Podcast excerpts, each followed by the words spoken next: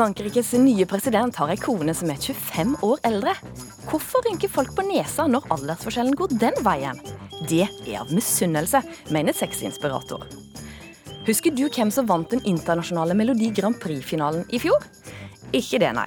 Nå er MGP bare show, spetakkel og tjo og hei, sier Vidar Lønn Arnesen, som møter Jan Fredrik Karlsen til debatt. Og Du må drikke melk, det er sunt. Eller for å snu på det, må vi egentlig det?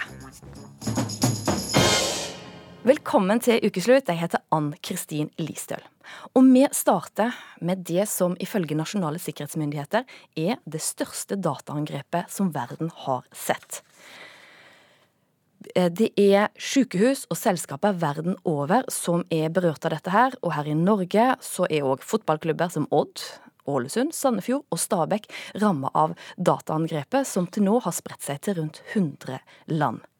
Dette viruset som krypterer datafiler, og, og de som står bak, krever løsepenger for å gi tilgangen tilbake til brukerne.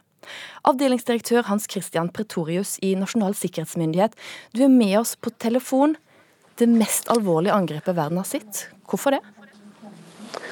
Dette er jo et angrep man har eh, sett utvikle seg. og Det er fordi at eh, det er en sårbarhet eh, som blir utnyttet i dette angrepet.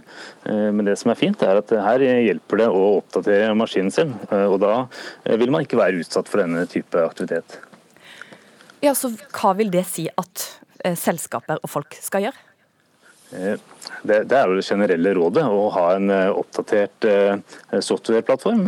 Og også la programmene sine oppdatere seg jevnlig. Da vil man ikke være eksponert for nye sårbarheter som oppdages.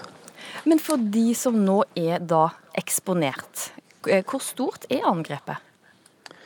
Dette er jo et, eh, et, større angrep, eh, men det som er eh, fint med Norge, er at vi har en relativt god datapark. Men for de som er eksponert, så er jo dette alvorlig. Og hva, hva kan være konsekvenser?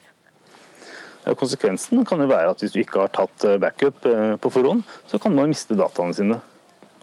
Og, for, og når type sykehus da er berørt, hva gjør man der for å sørge for at viktig pasientinformasjon blir tatt vare på?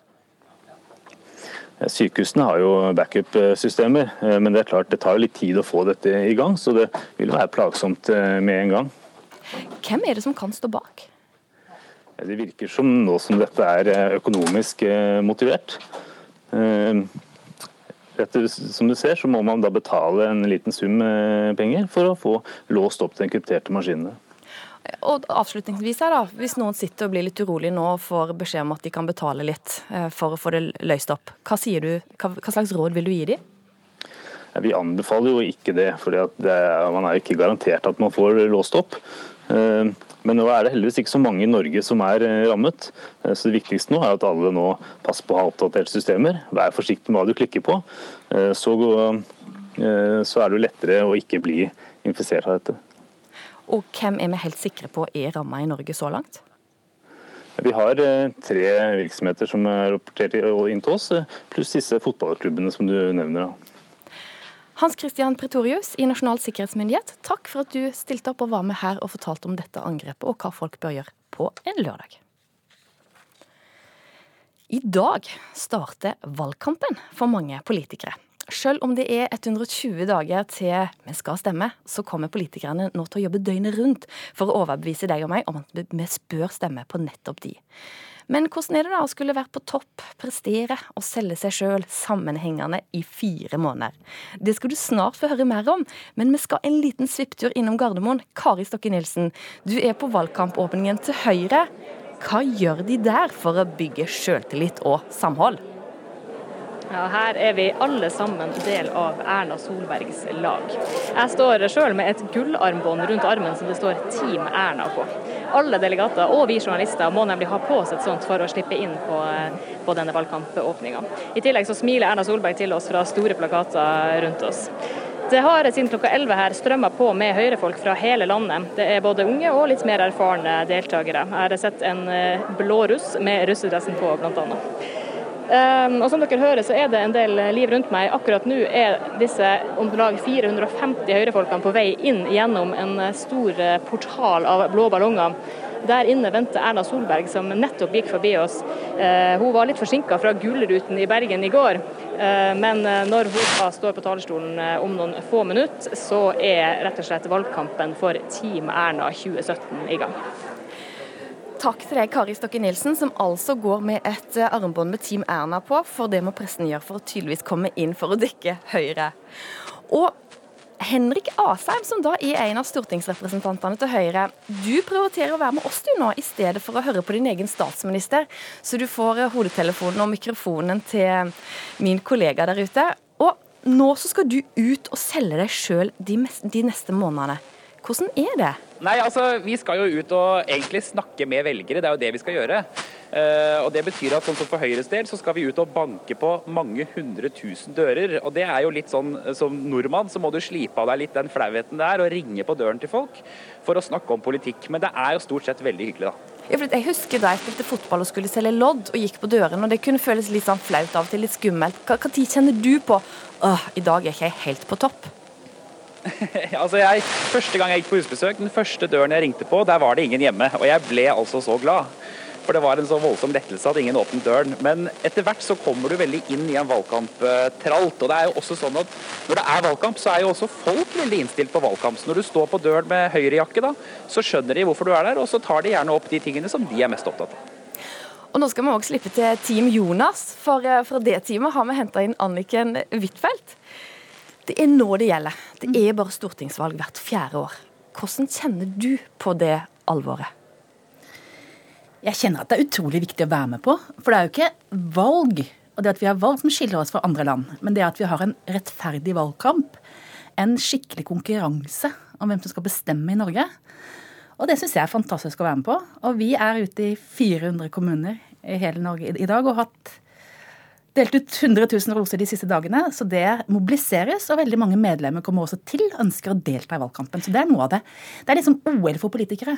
Det er nå det gjelder. Men veldig mye av dette det er jo personfokus. at Det står jo og faller på deg mye da, når du går ut der og skal overbevise. Hva, hva tid kjenner du på det, det er litt skummelt, dette her òg? Altså, jeg kan føle sånn plutselig følelse av nervøsitet sterkere midt i en valgkamp enn jeg føler ellers. Og så diskuterer vi jo alle felter. altså Asheim diskuterer vanligvis skole, og jeg diskuterer vanligvis forsvar og utenriks. Men når det er valgkamp, så må vi på en måte kunne alt. Og da kan du jo, teoretisk sett, da, si noe feil eller dummer deg ut. Og da er det på en måte at det er ikke bare Anniken, men nå er det på en måte alle de frivillige som stiller opp for oss, som, som syns jeg har gjort en dårlig jobb. Så det er klart at det er mer press, men det er gøy. Men kan, kan du huske noe der du har tenkt å, nå sa jeg noe dumt, eller her var ikke jeg på mitt beste tidligere? Kanskje når man skal uttale seg om veldig mange andre felt. Jeg skal sikkert møte Asheim flere ganger i valgkampen, for vi kommer fra samme fylke. Og da kan det være ganger at han kan et felt bedre enn meg. Og da Jeg kan ikke huske en gang jeg har gått skikkelig bare. Men det jeg husker kanskje sterkest, er jo de skolevalgene. For hvis du sier noe litt skeivt da, da får du jo hele salen mot deg. Enten i vill applaus fordi de er glad, eller fordi de deg ut. da. Og det er det er meste presset som man kan oppleve som politiker. Det er det de yngste opplever. Og Henrik Asheim, hva, hva slags press syns du er skumlest? Jeg er litt enig med Anniken i det. altså at det der Frykten for å ødelegge for partiet sitt, eller for alle de som står på frivillig for å gjøre et best mulig valg, den er jo der veldig til stede. Eh, men jeg er jo også veldig enig med Anniken i en ting, og det at når man har vært ungdomspolitiker og vært igjennom skoledebattene, så er det egentlig ingenting som kommer til å toppe det uansett. Så alt annet vi gjør nå er en walk in the park, altså sammenlignet med det å stå foran 1000 elever med kritiske spørsmål til alle partiene. Men også dette med politikerne, da, eller folk, kan av og til si sånn ja ja, politikerne de sier det samme hele tida. Til deg da, Anniken, har du kjent noen gang på nå, nå er jeg på repeat, nå, nå klarer jeg ikke å si det jeg burde si for å nå gjennom? Det viktigste er jo å ikke snakke for vanskelig, og snakke så folk forstår, og høre like mye som man snakker. Jeg syns det å være med på valgkamp er utrolig gøy. Jeg kan være sliten på slutten, men jeg er sånn at når det er høst og det ikke er valgkamp, så er det på en måte noe jeg savner. For det er jo veldig mange som blir med i AUF for første gang gjennom valgkampen, blir med i Arbeiderpartiet for første gang gjennom valgkampen. og selv om folk kan bli lei av at vi gjentar det samme budskapet, så er det samtidig en tid hvor veldig mange blir engasjert i politikk. Og nå er det mye som står på spill. Hvilken retning skal Norge gå i? Og det mobiliserer veldig mange. Og til, til deg da, Henrik. Hva, Hvordan ser en typisk dag ut når det er intenst? Det er jo at Man står opp veldig tidlig, og så drar man gjerne på en morgenaksjon. Enten på en T-banestasjon eller bussholdeplass eller noe sånt. Deler ut brosjyrer. Så drar man kanskje på kontor eller et eller annet, skriver noe leserinnlegg man skal i. Kanskje er det en organisasjon som arrangerer en debatt. Og så går kvelden med på husbesøk. Og det er jo litt sånn, Selv for eh, oss som sitter på Stortinget, selve stortingsvalgkampen foregår veldig mye i hjemfylket. Og da er det å være ute og snakke med folk. Og det er egentlig det vi gjør fra morgen til kveld. Og så er det dette her da med at eh, Politikerne vil jo komme på, som vi i pressen sier det. Dere vil ha ut et budskap, og pressen er jo interessert i å formidle det som skjer, gjerne på en gøyal måte så folk bryr seg. Til deg da, Henrik. Når blir du litt mer type løsluppen og byr litt mer på deg sjøl i valgkampen? ja, det er jo gjerne nettopp det, da, når det er noen journalister som vil ha et eller annet litt sånn artig eller gøy. Men eh, Så man kan av og til ta seg selv i å være i en situasjon som er litt ubehagelig, men eh, som man kanskje må gjøre for å komme på. For nåløyet hos dere journalister også blir jo bare trangere og trangere jo nærmere valgdagen man kommer. Men Når er det vanskelig der da å liksom Oi, hvis jeg gjør det, det er gøy. Eller hvis jeg gjør det, det blir skikkelig kleint. Hvordan tar du den vurderinga? Det må man nesten kjenne litt på selv. altså. Og så er det nok lurt av og til å tenke seg om to ganger før man stiller opp på noe veldig harry eller teit. Hva er det dummeste du har gjort, da? Men som regel har det jo Det mest harry du har gjort? Nei, ja, Det mest harry jeg har gjort, er å bade uh, ute på en sånn strand hvor det var noe forsøpling eller et eller annet sånt. da. I en, en eller annen sånn, Det var noe tangatruse som noen hadde delt ut. men Det, det er mange år siden nå, men hva, hva, man ikke gjør for å komme i avisen. Kan du matche den, Anniken? Jeg har hatt noen sånn dumme bilder, ja. Eh, hvor du har blitt sminka og styla og ordna i en sånn setting som overhodet ikke er meg. Så det, det Jeg gjør ikke det mer, for å si det sånn. Til slutt, dere, da, så er det jo sånn at eh, politikerne Dere vil jo helst snakke selvfølgelig om faget og om hverandre. Men er dere med på ei utfordring? Vet ja. dere nøler litt? Apropos. Ja. Dere skal få lov til å drive bitte litt valgkamp for den andre, og ikke partiet, da. Glem det. Du Anniken, skal få si noe fint om Henrik, så velgerne, eller ukesluttlytterne kan få høre. Og du Henrik, tilbake til Anniken. Tar dere utfordringa? Absolutt. Ja. Dere kan, nå ja, kan dere få tenke bitte litt her mens jeg holder det gående. Så tenker jeg at vi skal starte da Vi starter med de som har regjeringsmakt med. Vi lar Henrik Asheim fra Høyre få lov til å si Kjære ukesluttlyttere, dette vil han si, du sier om Anniken Huitfeldt. Ja. Eh, det jeg da vil si om Anniken Huitfeldt til alle ukelyslytterne der ute, er at Anniken Huitfeldt er en veldig kompetent og en veldig løsningsorientert politiker. En politiker som er flink til å finne kompromisser. Hun er mest opptatt av å gjøre eh, situasjonen bedre for velgerne sine. Eh, og Derfor er det også mulig, selv for oss, å samarbeide med Anniken i saker hvor vi kan finne felles enighet. Anniken Huitfeldt, hva kan du si om Henrik Asheim? Henrik Asheim brenner for politikk. Og dessuten så er han utrolig godt humør og grei å like og grei å være sammen med. Og det gjør det fint å sitte på Stortinget sammen med Henrik Asheim. Høres ut som dere to kom til å samarbeide så godt framover. Tusen takk Absolutt. til dere begge to for at dere var med. Da skal du Henrik Asheim få gå tilbake til teamet Erna, og du Anniken Huitfeldt tilbake til Team Jonas. Og så skal jeg nevne at eh, det var Håkon Bergsjø som var med fra Nasjonal sikkerhetsmyndighet i starten av sendinga. Og nå skal vi over til noe helt annet. Jeg er ikke noe særlig tiltrukket av jenter på min egen alder, og det syns jeg er litt uh, rett for dem òg. Ja, som jeg pleier å si, jeg har du først på en smak med rosiner, så har du ikke så lyst på druer. Dette er Harald Eia-figuren Thomas André fra kultserien Lille Lørdag. Rosina som han viste til her, det var den veldig mye eldre kjæresten Agnes. Og nettopp yngre menn med eldre kvinner ble et tema i den franske valgkampen. Den nyvalgte presidenten Emmanuel Macron har ei kone som er 24 og et halvt år eldre enn han. Han er 39, hun er 64. For det er ikke like vanlig når aldersforskjellen går den veien, og da rynker vi på nesa. Ukeslutts mannlige reporter på 38 år har sett nærmere på dette. Som mange andre par møttes de første gang på videregående. Men der stopper også likheten. For mens Emanuel var elev midt i tenårene, var Brigitte lærer og rundt 40. Nei, når du er en alder av 16 år, så syns jeg det er veldig spesielt. Ukeslutt møter student 21. Jeg husker ikke helt hvordan regelen er nå, men er det ikke å dele på to og pluss med syv eller noe. Den uskrevne regelen er at man ikke kan få seg en partner som er yngre enn egen alder delt på to pluss sju. Jeg tror det er en god regel. Troisième, c'est que ça en dit beaucoup sur la misogynie rampante. Denne uken tok den påtroppende presidenten til motmæle. Det ville ikke blitt så mye styr om hun var 20 år yngre, hevdet han. Kvinnen i begynnelsen av 40-årene støtter Macron. Det er jo mer sånn sosialt akseptert at eldre menn har yngre damer. Eh, Av en eller annen grunn. Jeg syns det er kult at, eh, at de har det sånn, og at de eh, viser at det går an. Det er, det er kvinnesak på et vis? Kanskje litt. At yngre menn tiltrekkes av modne kvinner er på ingen måte nytt. Her fra filmserien American Pie. Very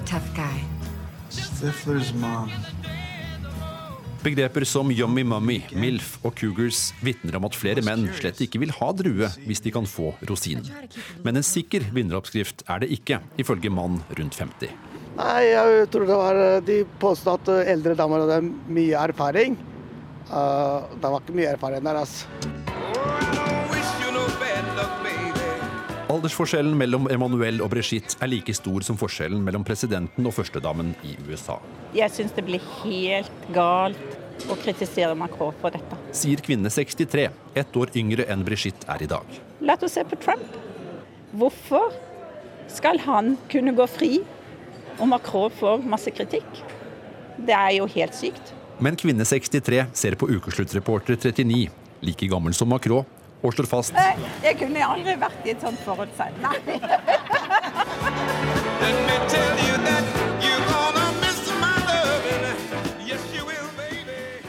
Reporter Fredrik Lauritzen hadde altså ikke draget der på tampen. Men hvorfor setter da folk kaffen i halsen når de ser et par der hun er mye eldre enn han? Anne Marie Ottersen, du er skuespiller, for mange kjent fra filmene 'Hustruer' og 'Fredriksson fabrikk'. Men da du var 40 år, så blei du kjent med Lasse Lintner. En fremadstormende, ganske vakker skuespiller. Ti år yngre enn deg. Ja, Kanskje. Ja jeg ble jo ikke kjent med han da. Jeg hadde jo sett han. Da ble Han du var- sammen med han? Da ble jeg sammen med han. Og det var eh, Ja, han var jo lekker, da. Syns jeg. og det er mulig han syns det samme om meg. Ikke vet jeg. Men i hvert fall så øh, falt det seg sånn at han var separert, og jeg var fri og frank. Det er jo litt, må jo, Situasjonen må jo være riktig også. Og så begynte vi å vanke litt sammen. Og så skjønte vi utpå høsten dette har tatt fatt i oss. Hva gjør vi nå? Og da fikk jeg masse kvaler. For jeg tenkte jeg vil alltid bli den eldste. Uh, orker jeg det? Eh, jeg tenkte han er 30 år, og han er ikke stygg. Det kommer vel noen lange, vakre 20-åringer med sine viftende øyevipper som blunker til han. Og kan han stå imot? Så vi var veldig, veldig Begge to var litt.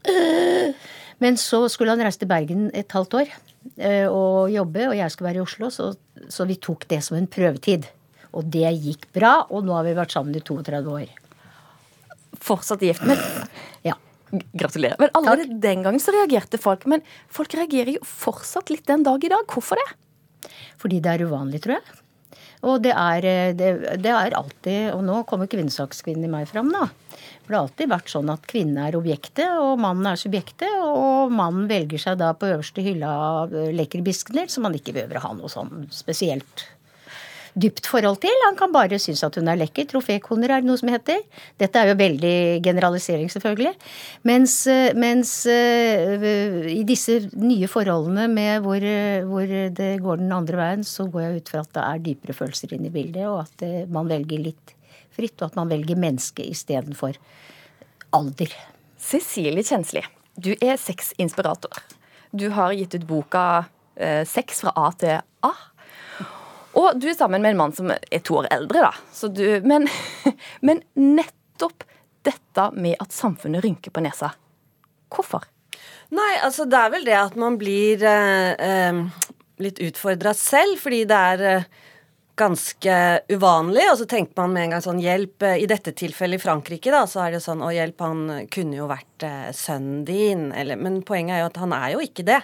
Eh, og så er det jo det Ja, men eh, eh, hva når du blir gammel? Hvordan skal det gå da? Ja, men altså, det er jo ingen garantier for at et forhold skal vare. Folk i samme alder, de blir jo også skilt. Men så begynner man jo å tenke på oh, den sexen de må ha.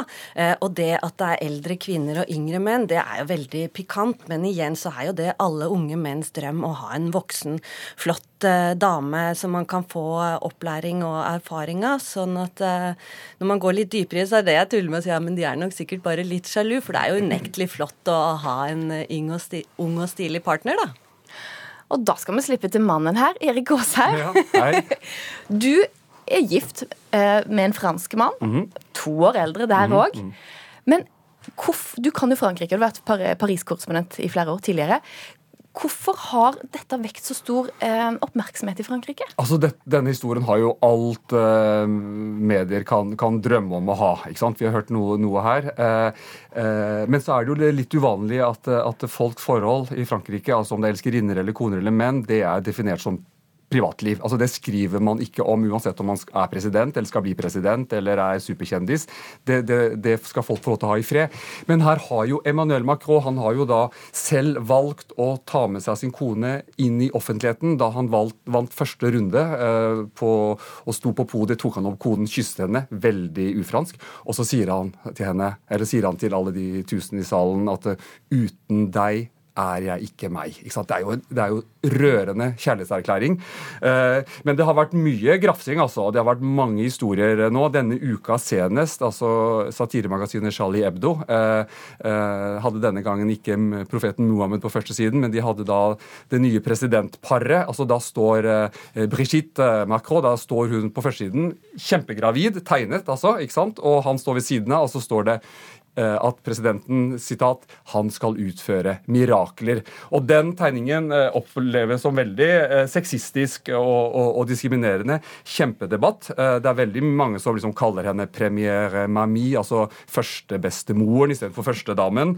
Eh, Og, og det gikk jo homorykter om han veldig lenge. Eh, Det var da for øvrig satt ut av, en, av et russisk nettsted, men altså at Macron var homo, for siden han da eh, valgte en kone som er 24 år eldre enn ham selv, så betyr det at han ikke liker kvinner. ikke sant? Altså det var både, en eh, Og at det både da var sexistisk og det var homofobisk, noe som han slo kraftig tilbake. Ikke fordi han ble skyldt for å være homo, det gjorde han ingenting, men, men måtte, han mente at dette var homofobiske og sexistiske eh, rykter.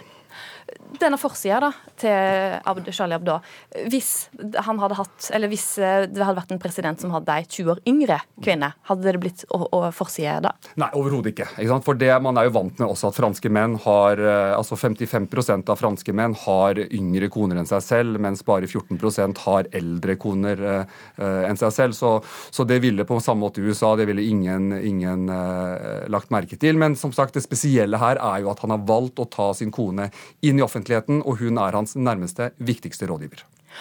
Sånn, mye sosialt eh, hva som er akseptert, da. Men Cecilie Kjensli, er det gode grunner for at altså, burde vi kvinner oftere velge yngre menn? Ja, i mange tilfeller så gjør jo også kvinner det, og særlig på runde nummer to. Altså etter man har vært gift, sambo eller fått barn, og det er slutt, og så skal man ut og treffe en ny en. Eh, Min egen erfaring var jo at jeg våknet opp med stadig yngre venn eh, sist jeg var singel. At jeg endte opp med en gammel kjæreste er jo tilfeldig. Hvor, mye Eh, yngre var de da? Ja, det var jo opptil 15 år yngre. Så når jeg var ute da og traff en fyr, og kameraten hans omtrent var russ, da tenkte jeg oi, dette er jo litt utfordrende. Men det var ikke grunnen til at det ikke ble noe, ble noe mer. Men altså, det det der altså det, det plager jo ikke menn å date yngre kvinner, så hvorfor skulle det plage en eh, dame? Ja, For din del, hva var fordelen med å gå, gå langt nedover? Å ja, nei, men det, det er jo mer eller mindre tilfeldig. Men det er, de er jo flotte og spreke, og så er det jo bra å få litt ny input, kanskje ny musikksmak. Men det viktigste er jo at man har noe til felles, og hvis det er sexen, så kan jo det holde lenge. Anne Marie Ottersen, hva er fordelen med å ha menn som er Nei, men De yngre? sier jo det at, eh, at kvinner, eller det, det, kvinner lever statistisk sett lenger enn menn, og derfor er det jo en fordel. For da får man være par mye lenger. Og så er det jo det der at øh, øh, Ja, hva skal jeg si? Eh, Så er det dette her med å få barn og sånt, selvfølgelig. Og er, eh, der stopper det kvinne, for kvinnen eh, på en viss alder. Selv om det går an å få barn eldre også nå. Så det er, det er, det eneste jeg kan se som er eh, det som ikke er til fordel for sånne forhold. Og det som virkelig er til fordel for sånne forhold, er jo at, at man velger fritt, og at man velger det mennesket man er interessert i, og blåser i hvilken alder det mennesket har, som Macron da ganske riktig sa. Det er det viktigste. Men uh, Brigitte Macron hun har jo masse humor på det, og hun har jo sagt at, uh, at uh, vi måtte vinne presidentvalget nå. For om, for om fem år så ville Emmanuels største problem være mitt ansikt. Altså, da, da, da snakker hun seg selv at da vil hun være enda mer rynkete enn, enn hun er i dag. ikke sant? Men det er jo en, det, det er jo en sterk kjærlighetshistorie, dette her. For han var jo 16 år bare, ikke sant? Når, som vi hørte, når de møttes. Foreldrene hans skjønte at her var det ting på gang. Han besøkte jo teaterlæreren sin hjemme alle trodde at han data datteren i huset, som, var, som like gikk i klassen til Emmanuel Macron. Så var det altså moren eh, som han datet. Foreldrene sendte han på eliteskole i, i, i, Frankrike for å få han unna. Eh, folk i landsbyen begynte å boikotte sjokoladebutikken som eh, foreldrene til Brigitte lagde byens beste makroner for øvrig. så skandalen var et faktum, men da han var 17 år, så sa han 'jeg skal gifte meg med deg'. Og, og da han var 19 år, så begynte de å date på ordentlig, og så giftet de seg ti år senere. Så dette er altså en sterk kjærlighetserklæring.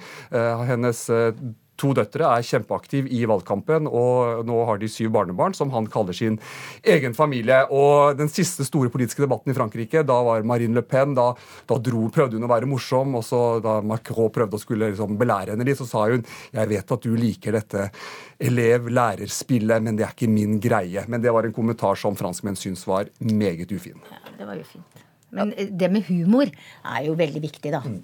Og det er klart at du kan, ikke, du kan ikke underslå Men altså jeg må jo si at det der med alder mellom meg og min mann, som, det, det, er det minste problemet. altså Det merker vi ikke engang. tenker vi aldri over. Det tror jeg ikke noen andre tenker over lenger. Du har ikke en rosin, som vi hørte i starten der. Håper ikke det. Han begynner å bli rosin. Men det var en stund jeg trodde at det var bare jeg som ble eldre, og han sto på sammen. Og så skjønte jeg at han også ble eldre, og det var veldig, veldig ålreit. Men eh, man må ha litt humor på det. Så vi hadde jo et vennepar som kalte, kalte oss for guttungen og gamla. Og det måtte vi jo bare akseptere. Vi syntes det var morsomt. Og så var det en instruktør, det må jeg bare si. Det var Per Brunken, som var utrolig morsomt. Og han sa da vi ble sammen, at uh, Lasse Lindner ofrer sitt unge liv for å bringe lys over Anne Marie Ottersens livsaften.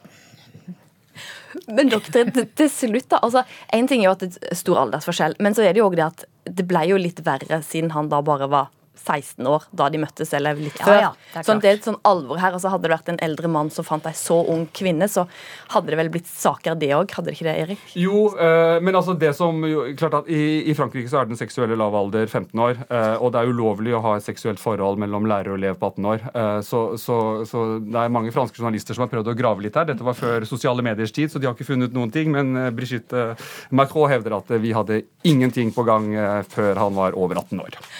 Og til dere, Cecilie Kjensli, til slutt her. Hvis kvinner nå sitter og får lyst til å få litt sånn mot å tørre å gå yngre, hva er ditt beste tips? Nei, det må jeg jo si at Rynker det er jo ikke noe problem. Det har aldri vært det for kvinner, nei for menn, så hvorfor skal det være det for kvinner? Eh, man skal være stolt eh, og glad i den man treffer, og ikke tenke på alderen. Eh, har man felles interesser, så har man jo masse å snakke om. Og så ta én date om gangen. Man vet aldri om det vil bli et forhold. Ha det moro så lenge det varer. Det er da rådet som går ut til lytterne. Takk til deg, Cecilie Kjensli, til deg, Anne Marie Ottersen, og deg, Erik Aasheim. Du hører her på Ukeslutt i NRK P1 og P2. Fortsett med det, og vi skal aller først til det som ble lagt merke til da kongeparet feirer 80-årsdagen denne uka. For hva dreiv egentlig prins Sverre Magnus med på slottsbalkongen, som har skapt spalteplass sjøl i utenlandske aviser? Jo, han dabba under 80-årsfeiringa. Dab, også kjent som dabbing, er en dansebevegelse hvor man gjentatte ganger dypper hodet i armkroken som om man skulle nyse. Abdulrahman Akaef har googla definisjonen på dabbing, en populær armbevegelse som eh, elever på Bjørnholt har holdt på med i ca. ett år. Her på skolen er det vanlig, faktisk. Noen ganger dansing, da. Men for, for å skape litt sånn liv her i kantina, da bare står jeg på bordet og så begynner jeg å dabbe. Da begynner alle sammen å le. Da liksom begynner alle sammen å dabbe. liksom. Dabben kan spores tilbake til hiphop-miljøet i Atlanta i USA.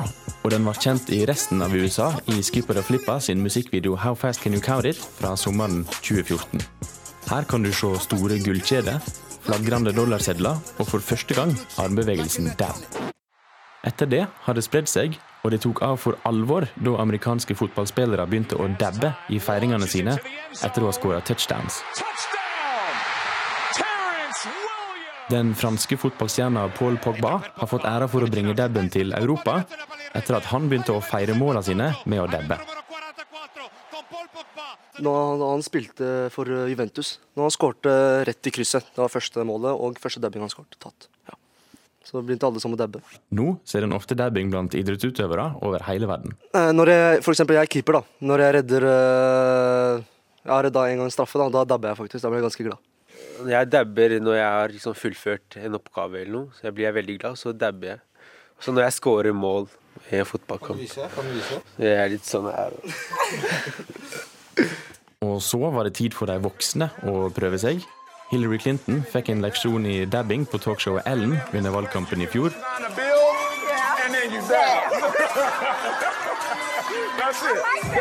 Og de to siste åra har internett vært fullt av folk som dabber i alle situasjoner. Så da syns Sverre Magnus at det var på tide å ta med dabben til Slottsbalkongen.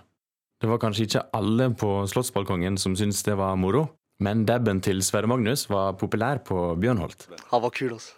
Han, eh, at han gjorde det foran hele Norge, det er stor respekt, altså. Det, jeg vil si at han er baller av stål, for å si det sånn. Reporter, det var Mathias Bergseth. La det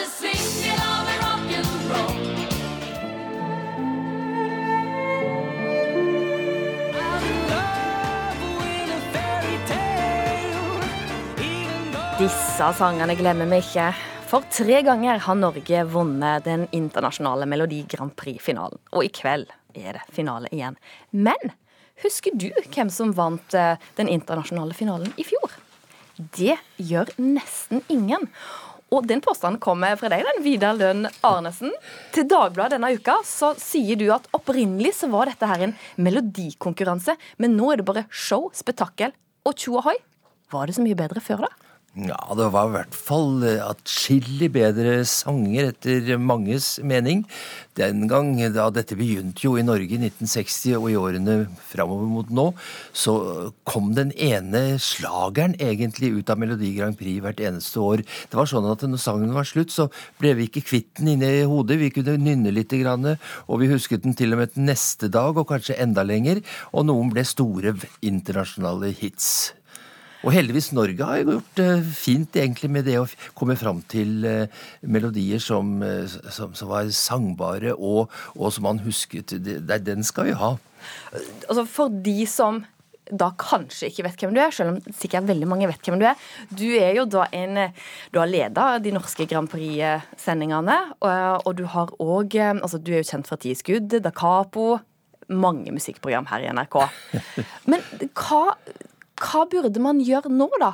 For å bedre det? Nei, altså Det som var utgangspunktet for det som sto i Dagbladet litt tidligere i uka her, det var jo at en journalist fra avisen ringte og spurte hva jeg syns om årets melodier, siden jeg da hadde holdt på med dette helt siden 1960, og annet på 80-tallet reiste ned til de forskjellige finalestedene for NRK og laget et program på fredagskvelden hvor vi spilte alle sangene, og tok dagen derpå sending på søndag formiddag. Så, så jeg var liksom med hele 80-tallet. og og har jo vært programleder, som du sa, fire ganger for den norske finalen på 70-tallet. Så jeg svarte jeg har i grunn ikke noe forhold til årets eh, sanger, for de har ikke hørt dem noe særlig. Og grunnen til at jeg ikke har hørt sangene noe særlig i år før nå i denne uken, tirsdag og torsdag, det var rett og slett blant annet fordi det opplegget som man nå har på forhånd med adresse Kiev da i år, hvor man spiller smakbiter og det sitter et panel i studio og skal snakke om disse sangene, det er jo aldeles eh, håpløst å få uh, noe særlig ut av hva de sitter og sier. For eksempel de to damene som var med i år, de snakket jo bare om hårfarger og sminker og hvor sexy disse artistene var. Og da vi liksom sitter og ser på skjermen og sier ja, men hva med sangene, hvordan er de? Så kommer ikke et pip. Og da har vi ei bro, vet du, en overgang, og vi kan si hello, Kiev. Hello, Kiev. Hello, Oslo. Hallo til dere der nede. Det er nå vi alltid sier 'wonderful show, wonderful show'. Jan Fredrik Karlsen, du er musikksjef for Melodi Grand Prix. Vidar Lønn Arnesen, mye tant og fjas og show. Hva skal du gjøre for å gjøre Vidar Lønn Arnesen fornøyd, Karlsen? Altså, For det første så har Vidar Lund Arnesen gjort uh, hele Norges nasjon ekstremt fornøyd i mange tiår med en eh, nydelig tilstedeværelse på fjernsynet. Og han jobbet og var kollega med min bestefar Jan P. Jansen i NRK. Så jeg har stor respekt for han. Um, Så da skal du høre på han òg, da? for, eh, jeg, jeg har stor respekt for historie, og historien som Eurovision Melodi Grand Prix har bygd opp, gjør at eh, hele nasjonen i kveld kommer til å sitte og følge med. Det er fortsatt et av de TV-programmene som er mest sett på TV. Så det at interessen om låtene ikke er der lenger, det er jo jeg selvfølgelig ikke enig i det hele tatt. Det er jo all historikken som har bygd opp til at Eurovision er som den er i dag. Eurovision Song Contest har aldri vært mer populært. I fjor hadde de over 200 millioner seere. Og melodilinjene står i fokus hele tiden. Men som alt annet i verden, så er det en utvikling. Og ut, jeg verdsetter historie, men jeg verdsetter like høyt utvikling og at man bygger ting fremover. Og at showet også er en del av totalopplevelsen, det er det ikke noe tvil om. Og det er det folk forventer. Men at melodilinjene står i fokus i aller høyeste grad. Og på de adresseprogrammene satt jeg faktisk på de adresseprogrammene, og hvis du hører på det, så snakker jeg veldig veldig ofte og veldig mye om låtene og opplevelsen av låtene. Så da må man nesten bare tune inn litt mer, og kanskje også høre på det. Dette er selvfølgelig mye riktig det du sier nå, eh, Jan Fredrik, men, men det som egentlig er stikkordet, det er jo det at det opprinnelig så var dette en melodikonkurranse. Hvor det var komponisten som vant Melodi Grand Prix, det var ikke artisten. Så etter hvert så er det blitt mer og mer show, mer og mer effekter på scenen, og etter hvert nå, og det er det kritikken går på, ikke at det lages et program som dette, kritikken går på at det er det har tatt overhånd alt det spetakulære som er rundt, slik at den stakkars vokalisten, eller de som skal fremføre sangen, melodien som konkurransen handler om, drukner jo helt i alt det andre. Det er lys, det er uh, lyder, det er dansende folk, det er hopping, det er spretting. Det er en masse ting som ikke har noe med konkurransen å gjøre, egentlig, men som er veldig morsomt å se på på fjernsyn. Så hvorfor ikke kalle det rett og slett Eurovision Show Contest istedenfor uh, music? For Ja, svar på det, Karlsen. I, I min verden så er utviklingen er at også publikum ønsker at det er en, en tilstedeværelse rundt låtene som blir mer og mer profesjonalisert i takt med all annen utvikling. Og Det er det jeg syns Eurovision er veldig flinke på. Fordi det er en låtskriverkonkurranse. Låtskriverne står også i fokus. Og du sier stakkars vokalisten. Jeg tror ikke det er én eneste vokalist som står her på scenen i dag og det er synd på. Det er ingen av de som utstråler at det er noe synd på det heller. Så der mener jeg faktisk at du tar eh, feil i forhold til mitt inntrykk og hvordan ting er. Men det er klart, man kan ikke være enig i alt her i verden, eh, selv om man verdsetter historie høyt. Det er utvikling viktig, og det har Eurovision gjort på en eksemplarisk måte. Og den finalen som var i Stockholm i fjor, var helt enorm. Og midt inne i sirkuset så sto også Justin Timberlake, som er en av verdens beste låtskrivere, en av verdens beste artister. Og det viser sier noe om tilstedeværelsen av hva Eurovision også er. Ja, Vidar Lønn Arnesen, er det det at du, altså, folket vil ha dette showet, og at ikke du henger med i utviklinga? Jeg henger absolutt med og gleder meg til i kveld. Jeg skal se på, og jeg tror faktisk Norge har uh, sjanser i kveld. Jeg skal gripe øyeblikket så det suser etter i kveld. Ja da, jeg er enig med deg der, skjønner du, Karlsen. Ja, det har ikke noe med det å gjøre. Men jeg bare syns det har tatt litt overhånd, rett og slett. Ja, det er blitt for mye. Men Ja. det, jeg ikke, det jeg ikke helt forstår, er at min opplevelse som jeg satt og så på Melodi Grand Prix og Eurovision når jeg var liten gutt og Ket Gulbrandsen vant med høyt hår, så var det jo vel så mye opplevelse av at det også var et show der. Ja, det var lys og lamper, og det var Rune Rudberg i hvit dress, og det var duer som fløy over skjermen. og altså, jeg mener, Det var sånn på 80-tallet. Ja da, og selv i 1960, da vi var med første gang, så sto Nora Brogstedt og sang Voivoi, Voi Voi, og det var i samedrakt, og det var også flott å se på det også. Så det er ingen som sier at ikke det skal være show rundt, det er jo det som er fjernsyn. Men det som kritikken hos mange går på, at nå er det blitt for mye. Nå, nå, nå, nå er det rett og slett borte, det som var det opprinnelige, nemlig at det var en sangkonkurranse eller melodikonkurranse. Og dere to blir neppe enige, men du, Jan Fredrik Karlsen, helt til slutt, kan du klare å nynne fjorårets eh, vinner? Shabala sin låt. Ja. Jeg er ikke spesielt dyktig på ukrainsk, så det skal jeg ikke prøve meg på. Jeg har heller aldri vært spesielt flink til å synge. Så jeg skal spare Vidar Lønn Arntzen, deg og alle lytterne i ukeslutt på at jeg skal prøve å synge. Men Kan det være en trøst, så klarer ikke jeg det heller. Det er overhodet umulig stort sett å, å, å, å, ta, å ta de nåtidens Grand Prix-vinnere og synge dagen derpå.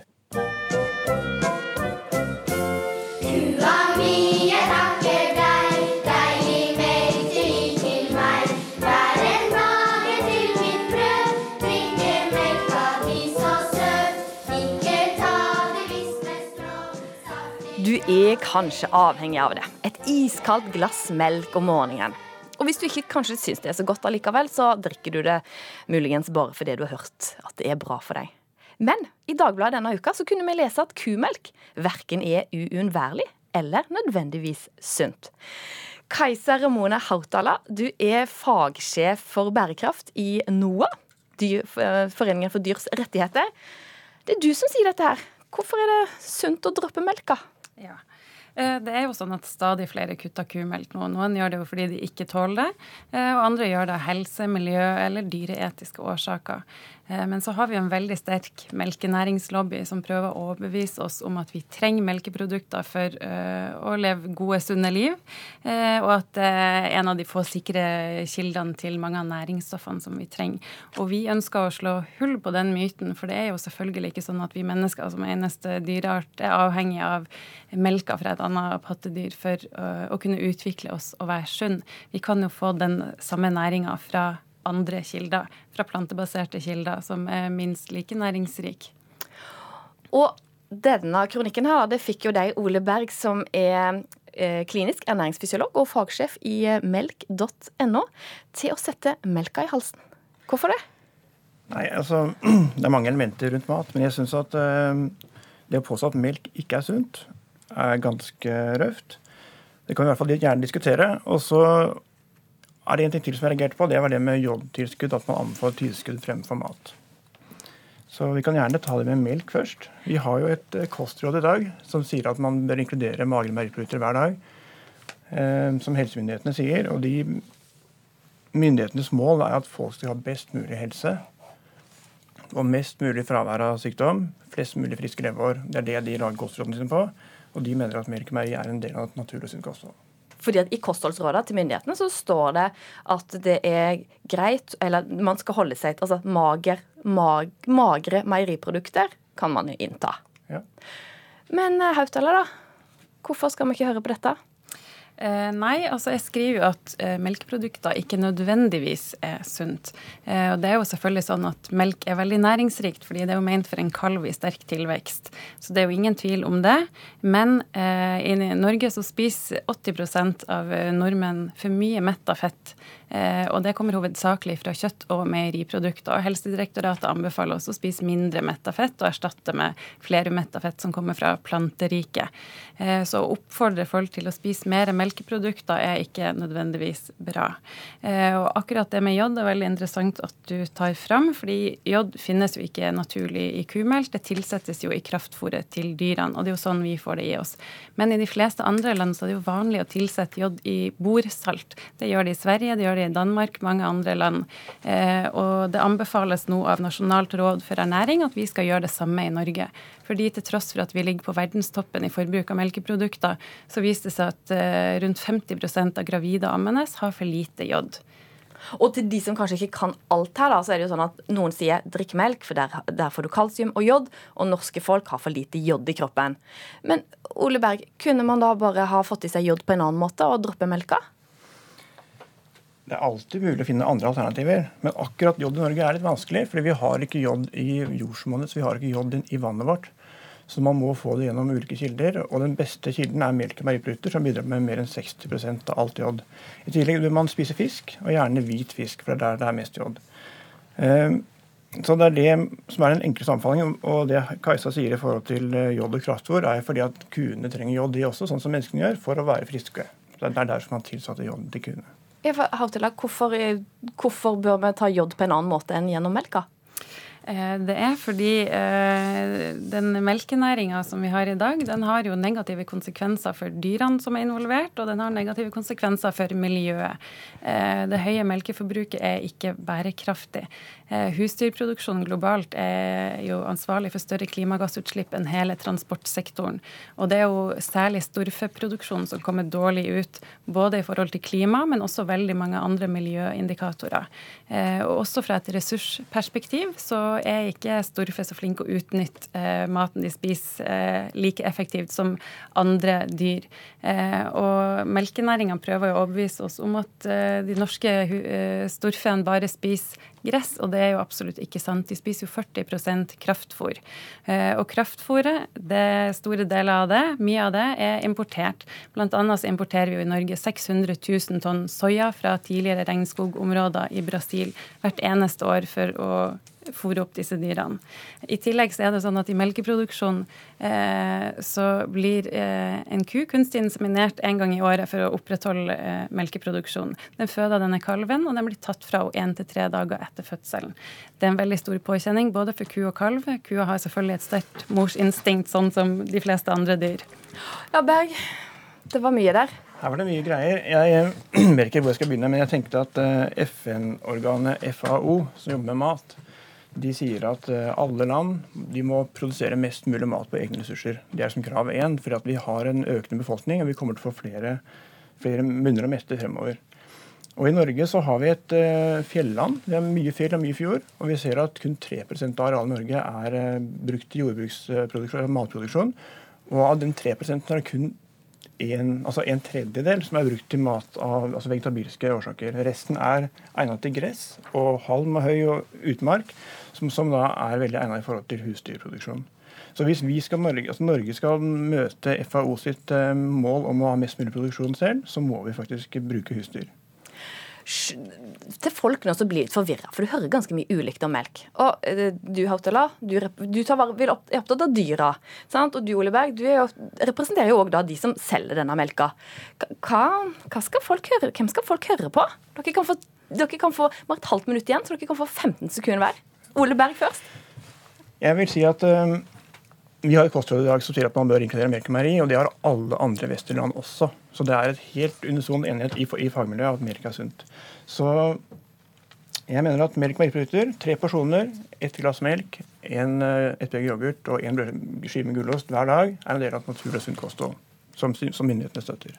Hautala, rådet ditt til folk, 15 sekunder. Ja, Vi kan fint dekke ernæringsbehovene våre uten å bruke melkeprodukter. Dette kan vi få fra planteriket. Det er sunnere for oss, det er langt mer bærekraftig, og det er bedre for dyrene. Så det burde være et opplagt valg. Og det finnes så utrolig mange gode plantemelkprodukter på markedet i dag, så man kan fortsette å spise melk, smør, fløte og alle de her tingene, selv om man ikke spiser kumelk. Men ingen av de har jod. Beklager. Og der sier vi takk til Ole Berg, fagsjef og klinisk ernæringsfysiolog i melk.no, og til Kajsa Ramona Hautala, som er fagsjef for bærekraft i NOAH. Og jeg regner med at det bare er én av dere som skal spise softis på 17. mai.